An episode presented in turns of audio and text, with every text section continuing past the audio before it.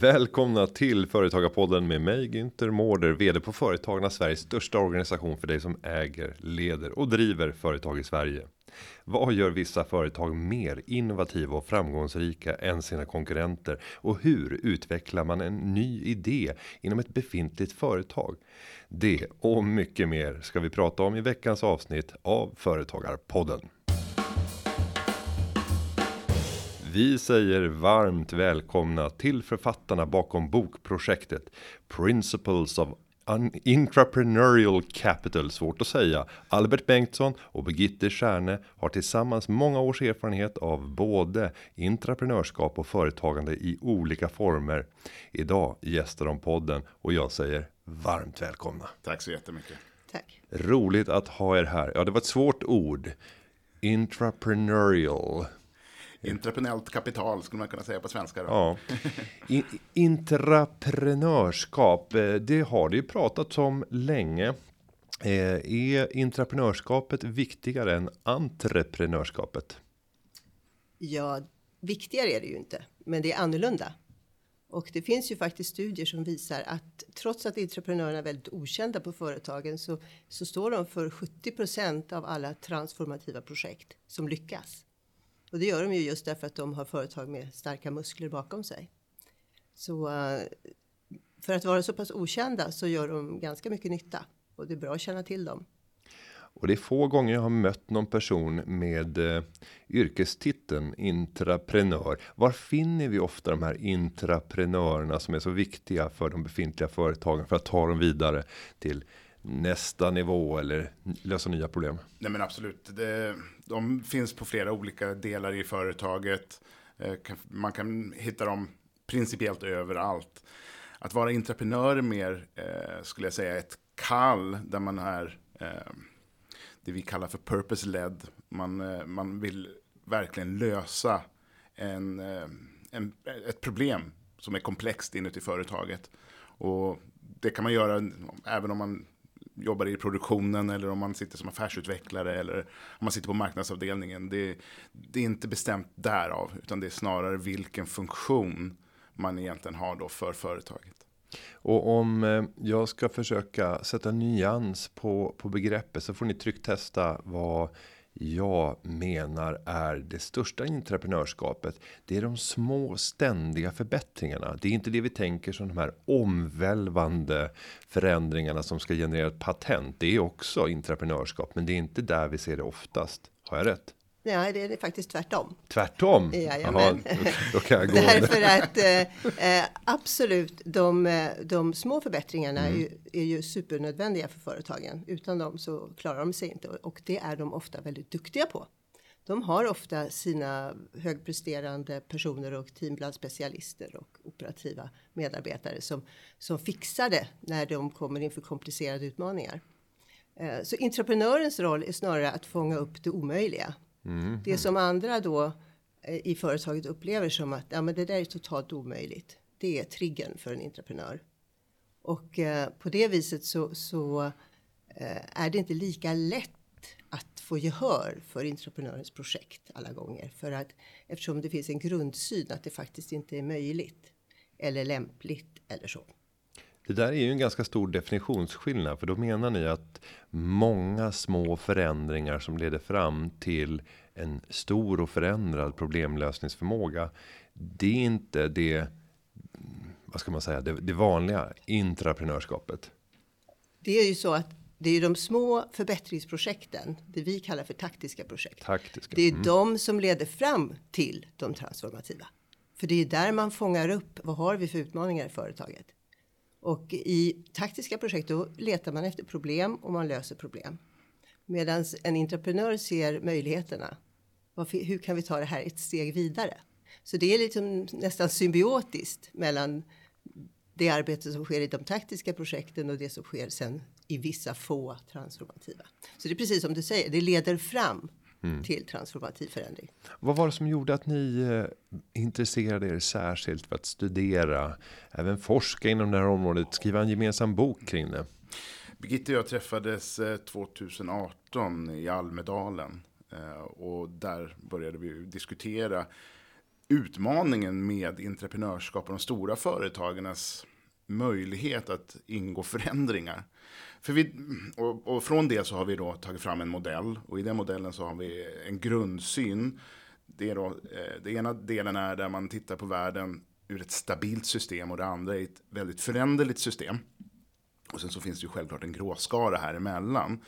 Men företag idag tenderar till att befinna sig i det stabila systemet. Och där blir det, precis som vi har pratat om, väldigt lätt att göra den här inkrementella förbättringen hela tiden. Men ska man göra någonting som bygger på att man gör någonting på ett helt annorlunda sätt, disruptivt eller ja, då måste man gå ut i det föränderliga. Då måste man vara nyfiken och se vad finns utanför den organisation som vi faktiskt befinner oss i. Och det är där entreprenören har en väldigt stor eh, inverkan och, och, är den som är membranet att föra in och hjälpa företagen med det som ligger med, med de möjligheterna helt enkelt. Och om vi tittar på en sån typ av förändring så är min uppfattning att det alltid kommer att innebära försämrad lönsamhet inledningsvis för nya problemlösningar kostar pengar. Correct. Eh, att eh, få företagsledare som har aktieägare som står och knackar på porten och vill ha utdelningar att acceptera det okända det oklara. Ja, här verkar finnas en inneboende problem, ja. problematik. Nej, men då det är ju så att man är ju baserad på den infrastruktur man själv ha, har byggt upp.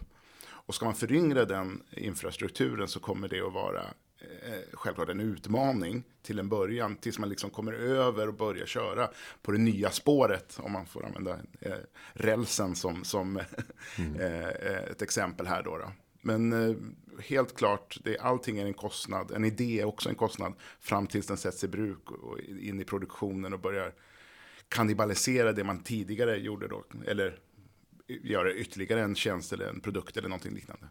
Om vi tänker på en bransch som jag har varit intresserad av varför det inte har hänt saker snabbare så är det fordonsindustrin och särskilt på personbilsidan. Jag tror att det var 2010 eller 2011 som jag första gången fick testa Tesla Roadster. Eh, nu blev inte det en stor serieproducerad bil, men det dröjde fram till 2012, 2013 innan man började faktiskt pumpa ut serieproducerade bilar. Och så tänker jag på hela den tyska bilindustrin. Jag tänker på den franska, jag tänker på den japanska och hur de bara står och tittar på när någon kommer ut med en disruptiv produkt. Och, och, jag har flera olika tankar kring varför man inte kastade sig över den nya tekniken för att omedelbart försöka konkurrera ut en sån här aktör. Vad är era tankar kopplat till utifrån ett intraprenörskapsperspektiv inom fordonsindustrin? Varför händer det inte mer där och då? Alltså, dels är det ju en otroligt cementerad in infrastruktur som har byggts upp under många år och den har varit väldigt framgångsrik. Och här kan man ju verkligen tala om förbättringar. För, för åtminstone hos en hel del av de här företagen som har levt länge, de har ju verkligen lyckats förbättra sina produkter hela tiden och komma med ner, nya erbjudanden. Och då är det så att med en så disruptiv innovation som, som en elbil, alltså den är ju både ful, liten, icke så, så kör inte så långt. Alltså allt prestanda som man så att säga räknade hem i i den etablerade bilbranschen och som man räknade med att alla kunder ville ha. Det såg man, det fanns ju inte här i den här lilla enkla lösningen. Det fanns ju lösningar i, i Asien som just med elbilar tidigt, men, men de gick inte så långt. Och, och därför upplevdes de säkert som ofarliga. Och det här var ju också, även om vi hade kris, eh, bränslekris och så på oljekris på 70-talet, så hade vi ju ändå tillgång till mycket fossilt bränsle och det var inte samma eh, klimatdebatt heller. Så, så det är många saker som har förändrats i samhället parallellt med att man har kommit upp i en ny lösning. Och helt plötsligt blir trycket så hårt att nu måste man. Och en tes som jag har när det gäller just eh, den här förändringen inom personbilsmarknaden. Det är att de andra bolagen bara tittade på och sa de kan få ta kostnaden som det innebär att plöja marken och förändra ett beteende. Så kan vi fortsätta tjäna pengar på gammal teknik som säkerligen snart kommer behöva skrivas av. Men varför inte mjölka det så länge vi bara kan och när marknaden nått en tipping point och det är inte bara bara vad man brukar kalla early adopters som finns där uppe. Då kommer vi komma ut med produkter som kommer kunna mäta sig och till och med passera i flera lägen det är väldigt intressant det du beskriver. Eh, I, i, I vår bok så, så hänvisar vi just till det här immunförsvaret som slår till inuti bolaget. Och det finns fyra stycken konflikter som är inneboende som gör att det här inte ska fungera. Och det beror på att man i storbolagen har, har eh, en ledning som hela tiden försöker skala bort och fokusera på kårverksamheten. Eh, och allting som egentligen stör den ska liksom inte få ta plats. Ungefär så som, som, som du nämner. Däremot så sker det ju någonting väldigt intressant tycker jag efter ett tag när man börjar se de här bolagen att elbilarna börjar ta plats. Eh, jag tror det var ett halvår sedan så gick Volvos CFO ut och sa att de ska bli ett mjukvarubolag.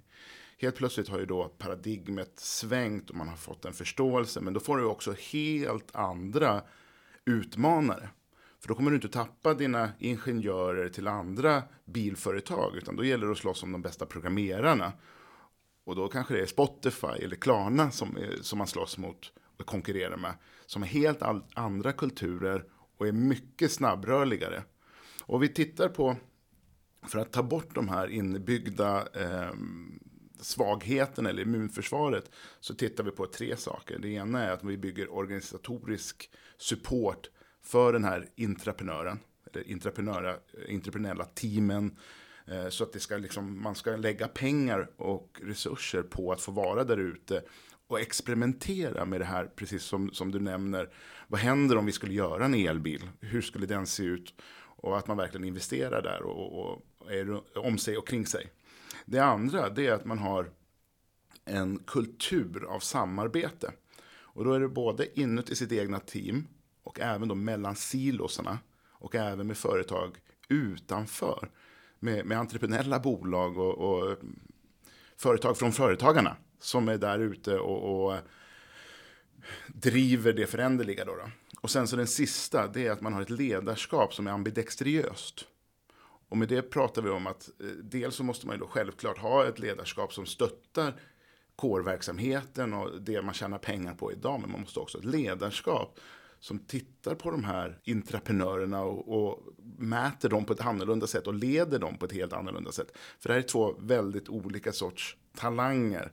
Eh, och om vi tar den här resan som många småföretagare får vara med om. Det är företagaren själv som är entreprenören och har en lösning på ett problem som förhoppningsvis är tillräckligt annorlunda eller mer effektivt eller eh, högre servicenivå eller vad det nu kan vara som gör att man skapar en konkurrenskraft.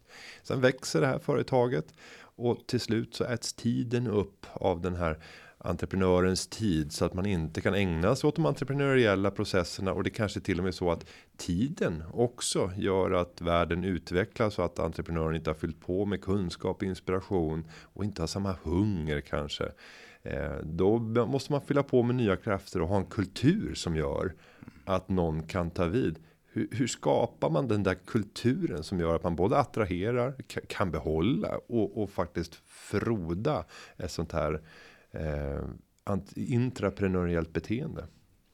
Alltså det som entreprenören har gratis, det är ju det kynnet som liknar entreprenörens mycket.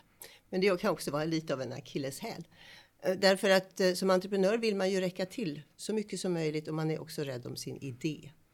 Och därför så, om man redan från början, vilket väldigt många entreprenörer gör idag, de bygger ju redan från början ett nätverksbaserat och öppet Eh, klimat i sina organisationer för att det är det sätt som passar dem bäst när de ska få utrymme för utveckling av det här nya som de vill etablera på marknaden. Men sen då så ska man ju vara medveten om att nio av tio medarbetare och chefer är inte intraprenöriella till sin läggning. Så när företaget växer så rekryterar man ju med automatik ofta fler och fler personer som inte är intraprenöriellt eller entreprenöriellt lagda.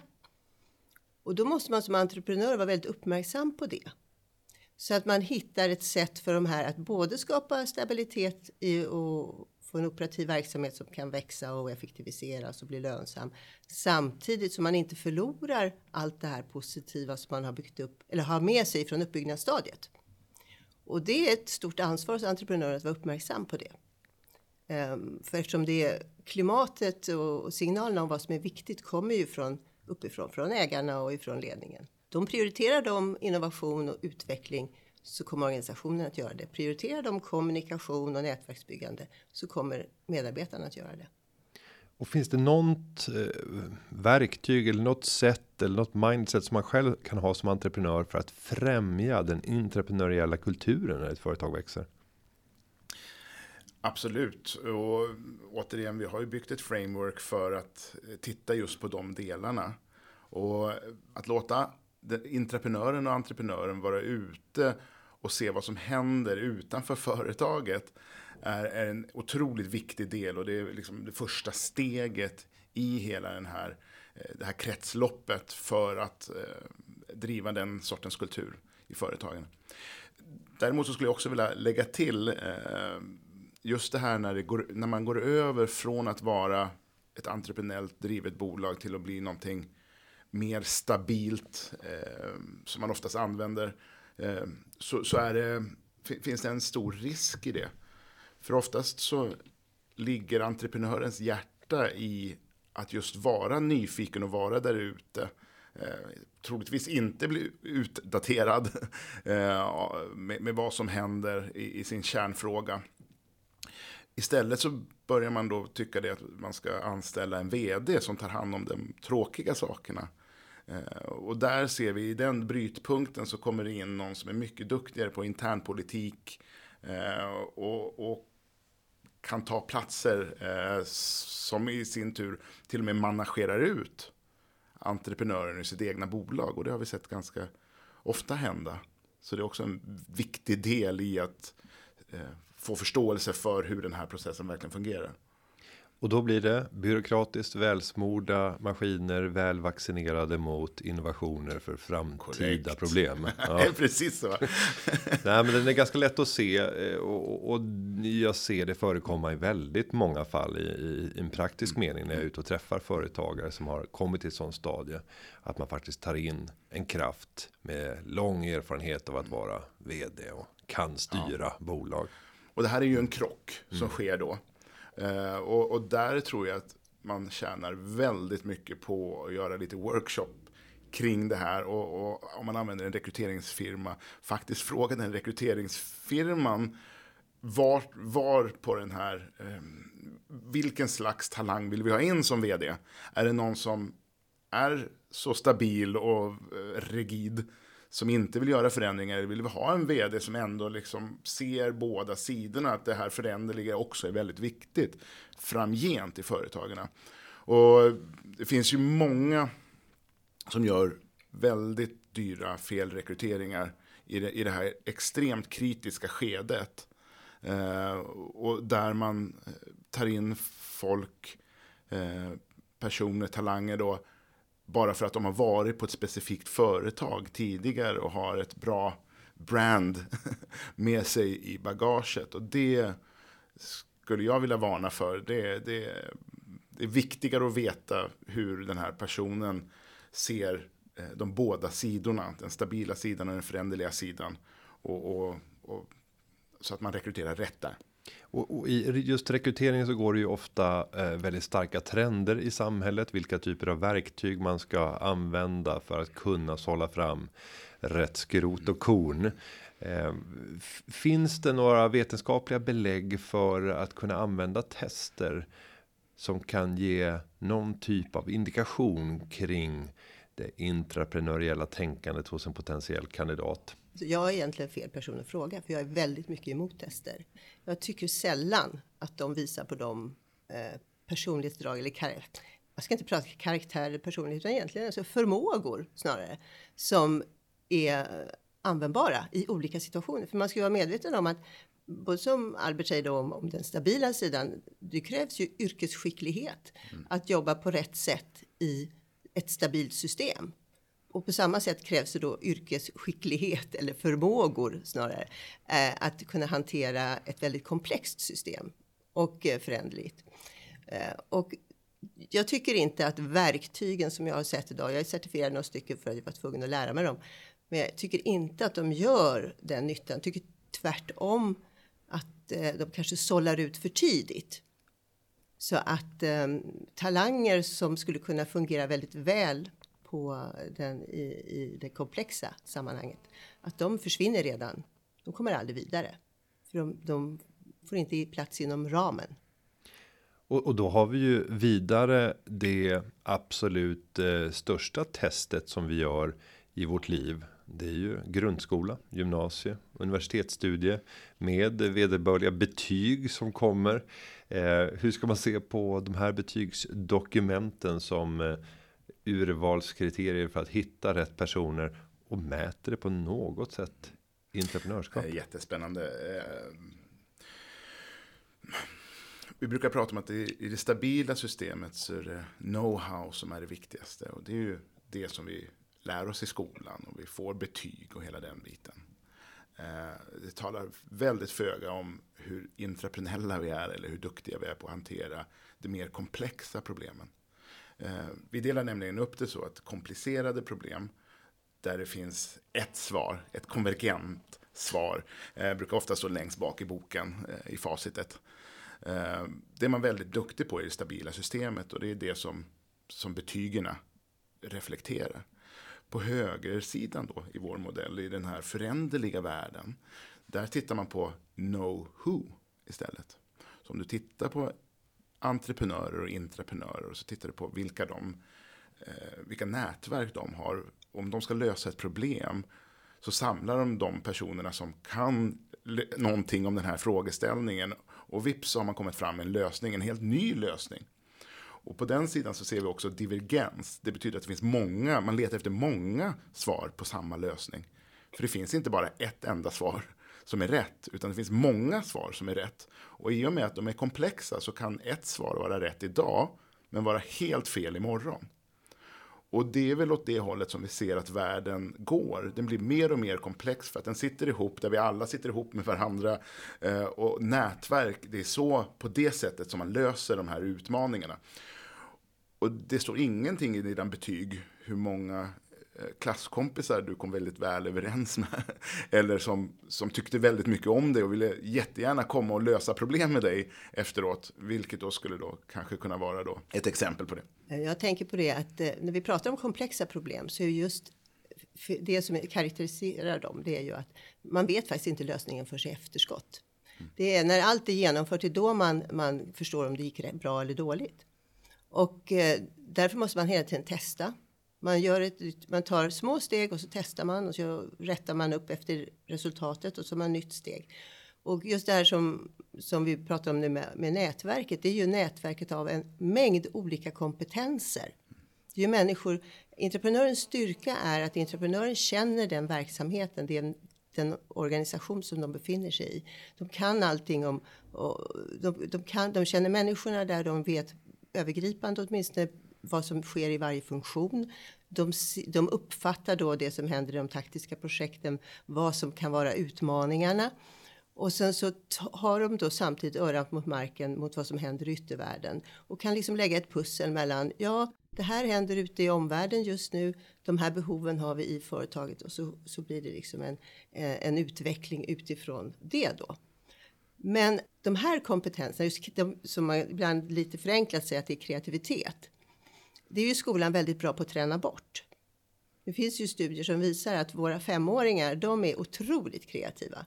Medan våra 15-åringar, de är absolut väldigt lite kreativa. Och det är någonting som händer i skolan. Och jag är rädd för att det har att göra med det här med att du testas hela tiden. Och, och att du testas och ska göra prov på allting. Och om du inte om du inte klarar ditt prov så är det fel på dig. Men i en entreprenöriell miljö så är det aldrig fel på dig. Det är fel, på, det är fel lösning för just det här problemet och så provar vi nästa lösning. Men om man uppfattar som individ att det är jag som är dålig om jag inte lyckas. Då blir man väldigt lätt begränsad tror jag i vad man vågar. Arbets, eh, det är också någonting som vi, vi beskriver väldigt mycket och pratar kring, vilket vi tycker är intressant just med den här målgruppen, med, eller med företagare, det är ju det att intraprenören och entreprenörens arbetssätt är någonting vi kallar för orbit and drill down. Och Orbit så går man in i någon slags satellitsyn och försöker förstå alla delar, strategin bakom ett problem.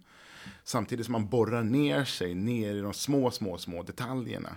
Och de som är riktigt skickliga på det här gör det här samtidigt, momentant. Då, då. Eh, vilket också då i ett stabilt system eh, saknar en bit av logik.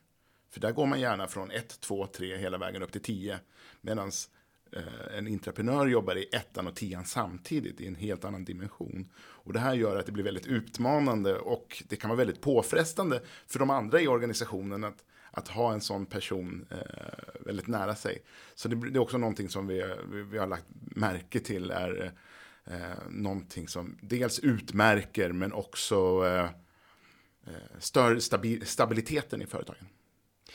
Jag vill testa ytterligare en, en hypotes som jag har. Och det är att intraprenören oftast misslyckas. Men att misslyckandena är helt nödvändiga för att komma fram till en lösning. Och jag jämför med det entreprenöriella.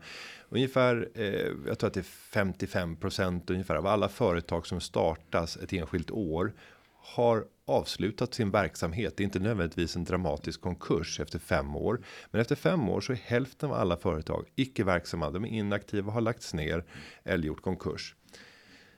Ovanpå det så har nästan alla företagare ändrat sitt eh, till och med grundproblem som man tänkte att man skulle lösa när man startade företaget. Fem år senare så är det någonting annat man gör. Det är väldigt sällan som jag träffar någon som säger att ja, det här var det vi skulle angripa. Nu fem år senare så är det precis det vi gör.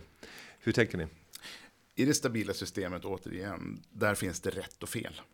Det är konvergens, det är svart eller vitt. Eh, men i det föränderliga systemet återigen, då finns det antingen så lär man sig eller så lär man sig inte. Så att även då om du har eh, misslyckats att göra en glödlampa 9999 gånger så är det någonting positivt. För allting som man, in, eller som man lär sig inte funkar är också en lärdom som kommer att ta dig vidare. Och det här är också väldigt intressant om vi går tillbaka till de här nätverken. För ju mer man investerar i de här nätverken och man investerar rätt så kommer ju de att följa med hela livet. Eh, väldigt bra exempel. Eh, Johan Stahl von Holsteins iCube vart ju kritiserad och, och eh, sågs som någonting som inte fungerade. Och det var ju ett ställe där eh, en accelerator för, för, för företag och hela den här biten. Eh, idag, när eh, 20 år senare, många av de extremt skickligaste eh, entreprenörerna och intraprenörerna som finns ute i hela, hela Norden ja, de har någon gång suttit där eller varit, eh, arbetat med, den här, med det här nätverket. Så frågan är ju snarare då vart investeringen kom någonstans. Eh, eh och vem det var som lyckades lära sig och ta, ta nytta av det snarare än om det var rätt eller fel. Och det här måste göra det svårt i ett ledarskapsperspektiv att eh, våga, för det handlar väl mycket om mod i det läget misstänker jag att eh, våga satsa på de som kommer med idéer och står beredda att ta på sig det här entreprenörskapet. Ja, det är eh, särskilt eftersom vi lever i en kvartalsekonomi vad det gäller krav på resultat på företag eh, som det upplevs. Och, och så länge så länge man har ett korttidsperspektiv, vilket är det man har då, som vi säger i stabila systemen, man tänker ett par år framåt. För att det handlar om överlevnad, omedelbar överlevnad och det bygger på effektivitet, tillväxt och lönsamhet. Och det är ju signaler från ägarna också mm. som, som karaktäriserar det. Och eh, medan då att, att vara ute och experimentera och kanske ta fram någonting som till och med kannibaliserar på den egna verksamheten är ju oerhört läskigt för många. Eh, och det är det långsiktiga perspektivet. Eh, många som sitter i en företagsledning kanske inte känner att jag är inte kvar här om tio år. Jag kommer aldrig mätas på det vi gör idag som vi kanske gör att vi blomstrar om tio år eller att vi överhuvudtaget finns till om tio år. Eh, så därför blir det lätt så att dagens utmaningar tar över och det är väldigt logiskt. Och därför behöver ju ägarna och styrelsen komma in ehm, och också ge direktiv så att, så att ledningen är liksom både berättigad och uppmuntrad att satsa på en del. Vi säger ju inte att man ska lägga allting på innovation det, det, eller på utveckling av transformativ eh, utveckling, utan det handlar ju om att, att systematiskt investera i det, se till att företaget har en portfölj av taktiska potentiellt transformativa projekt som finns där. Och om det inträffar en kris i samhället så är det just de företagen som har den beredskapen som har störst potential att överleva och kanske till och med blomstra. Vi kallar ju det för svarta svanar, black swans. Eh, sådana här eh, eh, händelser som händer ute i världen som totalt förändrar förutsättningarna.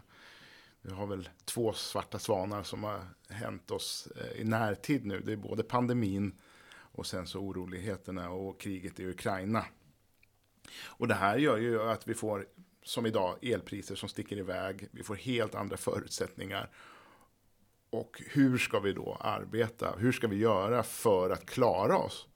Och då har man eh, experimenterat, precis som Birgitte säger, med olika alternativ. Man har varit öppen, man har kanske spelat igenom den här tanken, man har samarbeten med andra som, som kan lösa sådana här problem. Då är man snabbare på fötterna och kunna eh, komma till en bra lösning. Och om jag tittar på en typ av eh, intraprenörskap som jag själv har fått eh, möta och arbeta i. Jag jobbade tidigare på Nordnet Bank uppstarten av hela den banken var egentligen ett entreprenöriellt projekt. Man förstod att internet skulle komma att förstöra möjligheten för Öman att kunna tjäna pengar på sin traditionella mäklingsaffär när man satt med telefon. Och, och framsynt får man nog säga att Dinkenspiel var i det läget när man säger vi tar en grupp och sätter dem i ett hörn. Vi ger dem lite resurser eh, och sen är deras mål att konkurrera ut det vi gör idag med den nya teknik som har kommit. Jag vet inte om det tog fyra eller fem år för dem att, att springa förbi. Men att våga fatta ett sånt beslut och börja bedriva intern konkurrens. Det enda målet ni har är att förstöra vår ordinarie affär och nyttja den nya tekniken. Är det här ett, ett bra sätt att eh, bedriva intraprenörskap? Det där är ju typiskt exempel på det vi säger är nödvändigt för att lyckas med transformativa projekt. Det fanns en protektor i organisationen. Eh, det kan vara vd, det kan vara en koncern-vd, det kan vara en styrelseledamot eller en väldigt rutinerad och framgångsrik intraprenör. Men någon som så att säga beskyddar det transformativa eller det entreprenöriella teamet medan de håller på med alla de här experimentella övningarna och som inte tillåter det här immunförsvaret som är väldigt naturligt att det slår till då ifrån det vi kallar det stabila systemet, den operativa verksamheten. Eh, jag menar, det är så mycket i de här projekten som, kan upp, som med rätta upplevs hotfullt.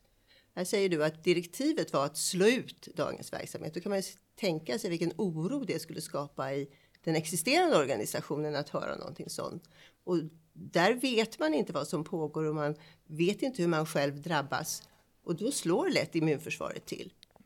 Så att jag tycker det var ett perfekt exempel på det vi kallar för en protektor. Någon som skyddar. Och det, utan protektor har vi sett, då är det väldigt svårt att lyckas. Och just det här att isolera någonting lite utanför. Vi kallar det för att vara i puppan, cocooning. Eh, och få vara i den eh, och ägna sig hundraprocentigt åt den här förändringen Eh, ser vi också som en framgångsfaktor. Det är nämligen svårt att gå till, ja, men ta ett team med programmerare som, som eh, försöker förbättra en, en kodbas för, i något program eller vad som helst. Måndag till torsdag så ska de jobba för att det här ska bli bättre. Men på fredagen, ja då ska de helt plötsligt börja jobba för att de inte ska behöva komma till jobbet överhuvudtaget. Det blir väldigt, väldigt svårt att vara på de båda platserna samtidigt. Och därav, när man sätter hel engagerade team som bygger på tekniken, som hittar de här nya samarbetena, helt nya sätt, då har man en mycket bättre förutsättning för att det ska funka. Med en reservation. Det måste vara öppen kommunikation ja. med den existerande verksamheten Självklart. hela tiden. För annars så riskerar man ju att man jobbar med det i fem år och så kommer man och försöker implementera det och då blir det tvärstopp. Så, så att det här är frågan, eh, implementerades det eller bröts det ut och blev ett helt nytt bolag? Nej, det bröts ut och blev ett helt eget bolag. Jag tror att det till och med var det från uppstart. Okay. Mm. Och, och, jag törs inte säga om de fick sitta kvar i samma miljö eller om man puttade dem till till andra faciliteter till och med för att särskilja det ifrån varandra. Inledningsvis så satt de ju tillsammans. Om vi tar Volvo igen så är Polestar ett eh, liknande exempel. Mm. Det är det här som är balansgången, för vi vill inte uppmuntra till att man sätter ett entreprenöriellt team i, i en hub och så låter man dem bara mm. vara. För då har man den här, då har man inga utsikter att lyckas om man vill merga det här nya med det gamla på något sätt och utveckla det gamla. Utan det behöver vara, och det, det entreprenören som du sa Albert om att jobba fyra dagar med löpande och en dag eh, med det transformativa. Det är ju inte naturligt. Eh, det är inte en naturlig del hos, en, hos de flesta programmerare. Men de som är entreprenörer, de gör just så. För de jobbar ju i, som vi kallar med skunkworks eller under radarn med sina hemliga projekt. Eh, för att de, ska, de vill så gärna göra detta. Men de allra flesta som jobbar med utveckling kan inte jobba så. Så det här är en balansgång hela tiden. Ehm, jag förordar ju att det ska vara en tät kontakt med den existerande verksamheten. För det är där som hindren kommer att uppkomma så småningom. Men samtidigt så måste man ge eh, tankeutrymme. Man, måste, man kan inte ha eh, krav på de här personerna att de hela tiden både ska leverera eh, enligt sin ordinarie så att säga, anställningsprofil plus göra det här jobbet. För det fungerar ju inte. Det är intressant. Eh, egentligen så svarar du på två olika frågor. Håller du på att föryngra den infrastruktur som du arbetar i för alla dina anställda? Eller bygger du nu ny infrastruktur som ligger utanför? Och jag tänker ett annat sätt att lösa en känsla av att vi håller på att somna in och de där ute rör sig mycket snabbare. Men vi är framgångsrika, vi tjänar mycket pengar. Då kommer vi till det klassiska exemplet. Vi köper entreprenören. Och vi ser hela tiden hur, gamla trögrörliga företag sitter och förvärvar eh, snabbrörliga entreprenöriella bolag. Och sen har man förväntan om att de här entreprenörerna kommer så fort de är förvärvade att kunna verka som entreprenörer. Hur funkar det? när man plockar då ett företag som ligger utanför, som, som är entreprenöriellt och har ett sånt driv, som ser världen ur ett föränderligt eh, perspektiv hela tiden och flyttar in det i det stabila. Och där man då lägger på ett nytt ledarskap som, eh, och ett arbetssätt som, eh, som är stabilt och är så som man alltid har gjort det. Då dödar man ju hela kreativiteten. Eh, vi ser det att entreprenören förlorar väldigt mycket energi när den gör tasks, eh, uppgifter som är extremt basala. Exempelvis tidsrapportera, eh, skicka in eh, reseräkningen, göra de här bitarna. Eh, det tar extremt mycket energi från någon som är van att vara i det föränderliga systemet och eh, driva eh, påverkan på sina projekt. Och, det här ser vi ju blir en stor utmaning då det är exakt de, utman eller de uppgifterna som man förväntar sig att den här för detta entreprenören eller entreprenören då ska göra i den nya rollen. Så man har helt enkelt gjort en felrekrytering och så tappar man den här entreprenören eh, förhoppningsvis innan den hinner bli toxic eller giftig för hela kulturen på grund av att den inte mår inte må bra i den nya situationen. Och ofta så har man i den här förvärvsklausulen en påtvingande skyldighet att arbeta kvar i två år. Eh, och därefter får man avyttra eventuella aktier. Finns även längre än två år. Ja.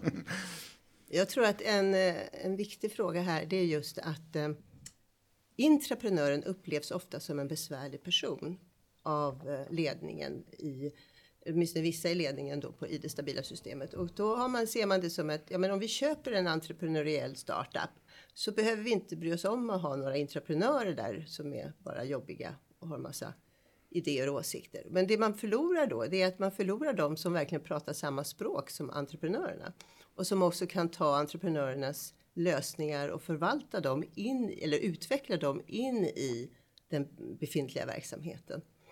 Och eh, så därför säger vi att top-down är aldrig bra.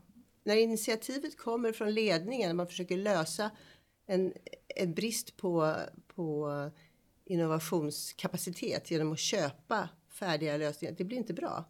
För då har man inte, man, man anpassar inte organisationen efter förvärvet utan man försöker anpassa förvärvet efter organisationen. Och det är dömt att inte lyckas. Det finns otroligt mycket att fortsätta diskutera. Ni har ju skrivit en hel bok i ämnet, föreläser en hel del. Om man nu skulle ta tag i boken Principles of Entrepreneurial Capital. Vad kan man förvänta sig när man har tagit sig igenom boken? Vad har man fått förhoppningsvis för, för insikter? De första hundra sidorna så beskriver vi en, en, en resa där vi bjuder in läsaren Eh, Eh, eller snart även lyssnaren, den kommer komma som ljudbok alldeles här i dagarna, eh, till att, att få vara med i när ett sånt här projekt sker. Där man ser det, att det finns en möjlighet utanför företaget, det finns en entreprenör, storföretaget ska börja eh, arbeta tillsammans med den här entreprenören och vilka energier det finns för att bromsa upp att det här kommer att ske. Eh, Birgitte pratade om protekten som kommer in och lägger sin helande hand över det här och verkligen vill att det här ska ske och, och vilka utmaningar som finns i det här immunförsvaret som, som det storföretaget då har byggt upp. Så att eh, om man är intresserad eh, som entreprenör och kunna bli duktigare på att komma in på insidan av eh, storföretag ska man definitivt läsa boken. Om man känner att man är intraprenör och inte tidigare har blivit eh, sedd, man, man känner att man har varit en lite udda fågel, då ska man definitivt läsa den här. Eh, känner man att man har personer i sin organisation som har en annan syn än sig själv och ser världen föränderlig, ja, då bör man eh, kanske ännu mer läsa den här, den här boken och se och få en förståelse för de två olika världssynerna. För det är inte bara det att man ser världen på olika sätt, man värderar saker också annorlunda beroende på hur man har för världssyn. Då, då. Och även så har man ett annorlunda språk och uttrycker sig på ett olika sätt. Och vill man bli en, den bästa ledaren så måste man kunna vara ambidextrös i det här. Eh, så det är någonting som vi ser är, är väldigt eh, vitalt i boken. Det är väl takeaways. Och ska man ta den, den starkaste eh, pitchen för en entreprenör så skulle jag tro att det som biter är om du vill bli större än du själv. Då kommer du behöva attrahera människor som är entreprenöriellt lagda för att vidareutveckla det. Så det är bara intressant om du vill bli större än dig själv. Då ska du göra det. Birgitte, hur skulle du sammanfatta? Vad får man med sig tack vare boken? Ja, förutom att man får den här lite i novellform formulerade resan då, då för att det ska vara lätt att ta till sig. Så, så finns det också en praktisk del i boken som, som beskriver då hur vi, den här 4C-modellen för entreprenöriellt kapital, den handlar mycket, det är en tankemodell. Varje organisation har sina egna utmaningar. Det finns inte ett svar. Hur blir vi mera innovativt? Det finns inte, man kan inte ge samma svar till alla bolag utan var och en behöver så att säga diagnostisera sig själva, hitta sina styrkor och svagheter och det tror vi att boken kan hjälpa till med. Jag hoppas att många vill ta till sig av innehållet. Birgitte och Albert, stort tack för att ni kom till Företagarpodden. Tack. tack. Och för er som är nyfikna på att förkovra er, få nya kunskaper. Kom in på företagarna.se, gå in under driva eget. Där finns mängder av inspiration och botanisera bland alla 317 andra avsnitt eh, såg jag nu att vi har passerat av Företagarpodden. Det finns kunskap att ösa ur. Med det så säger jag att underlaget har förberetts av David Hagen och klippningen är gjord av Petra Cho. Vi hörs igen nästa vecka. Ha det så bra. Hej då!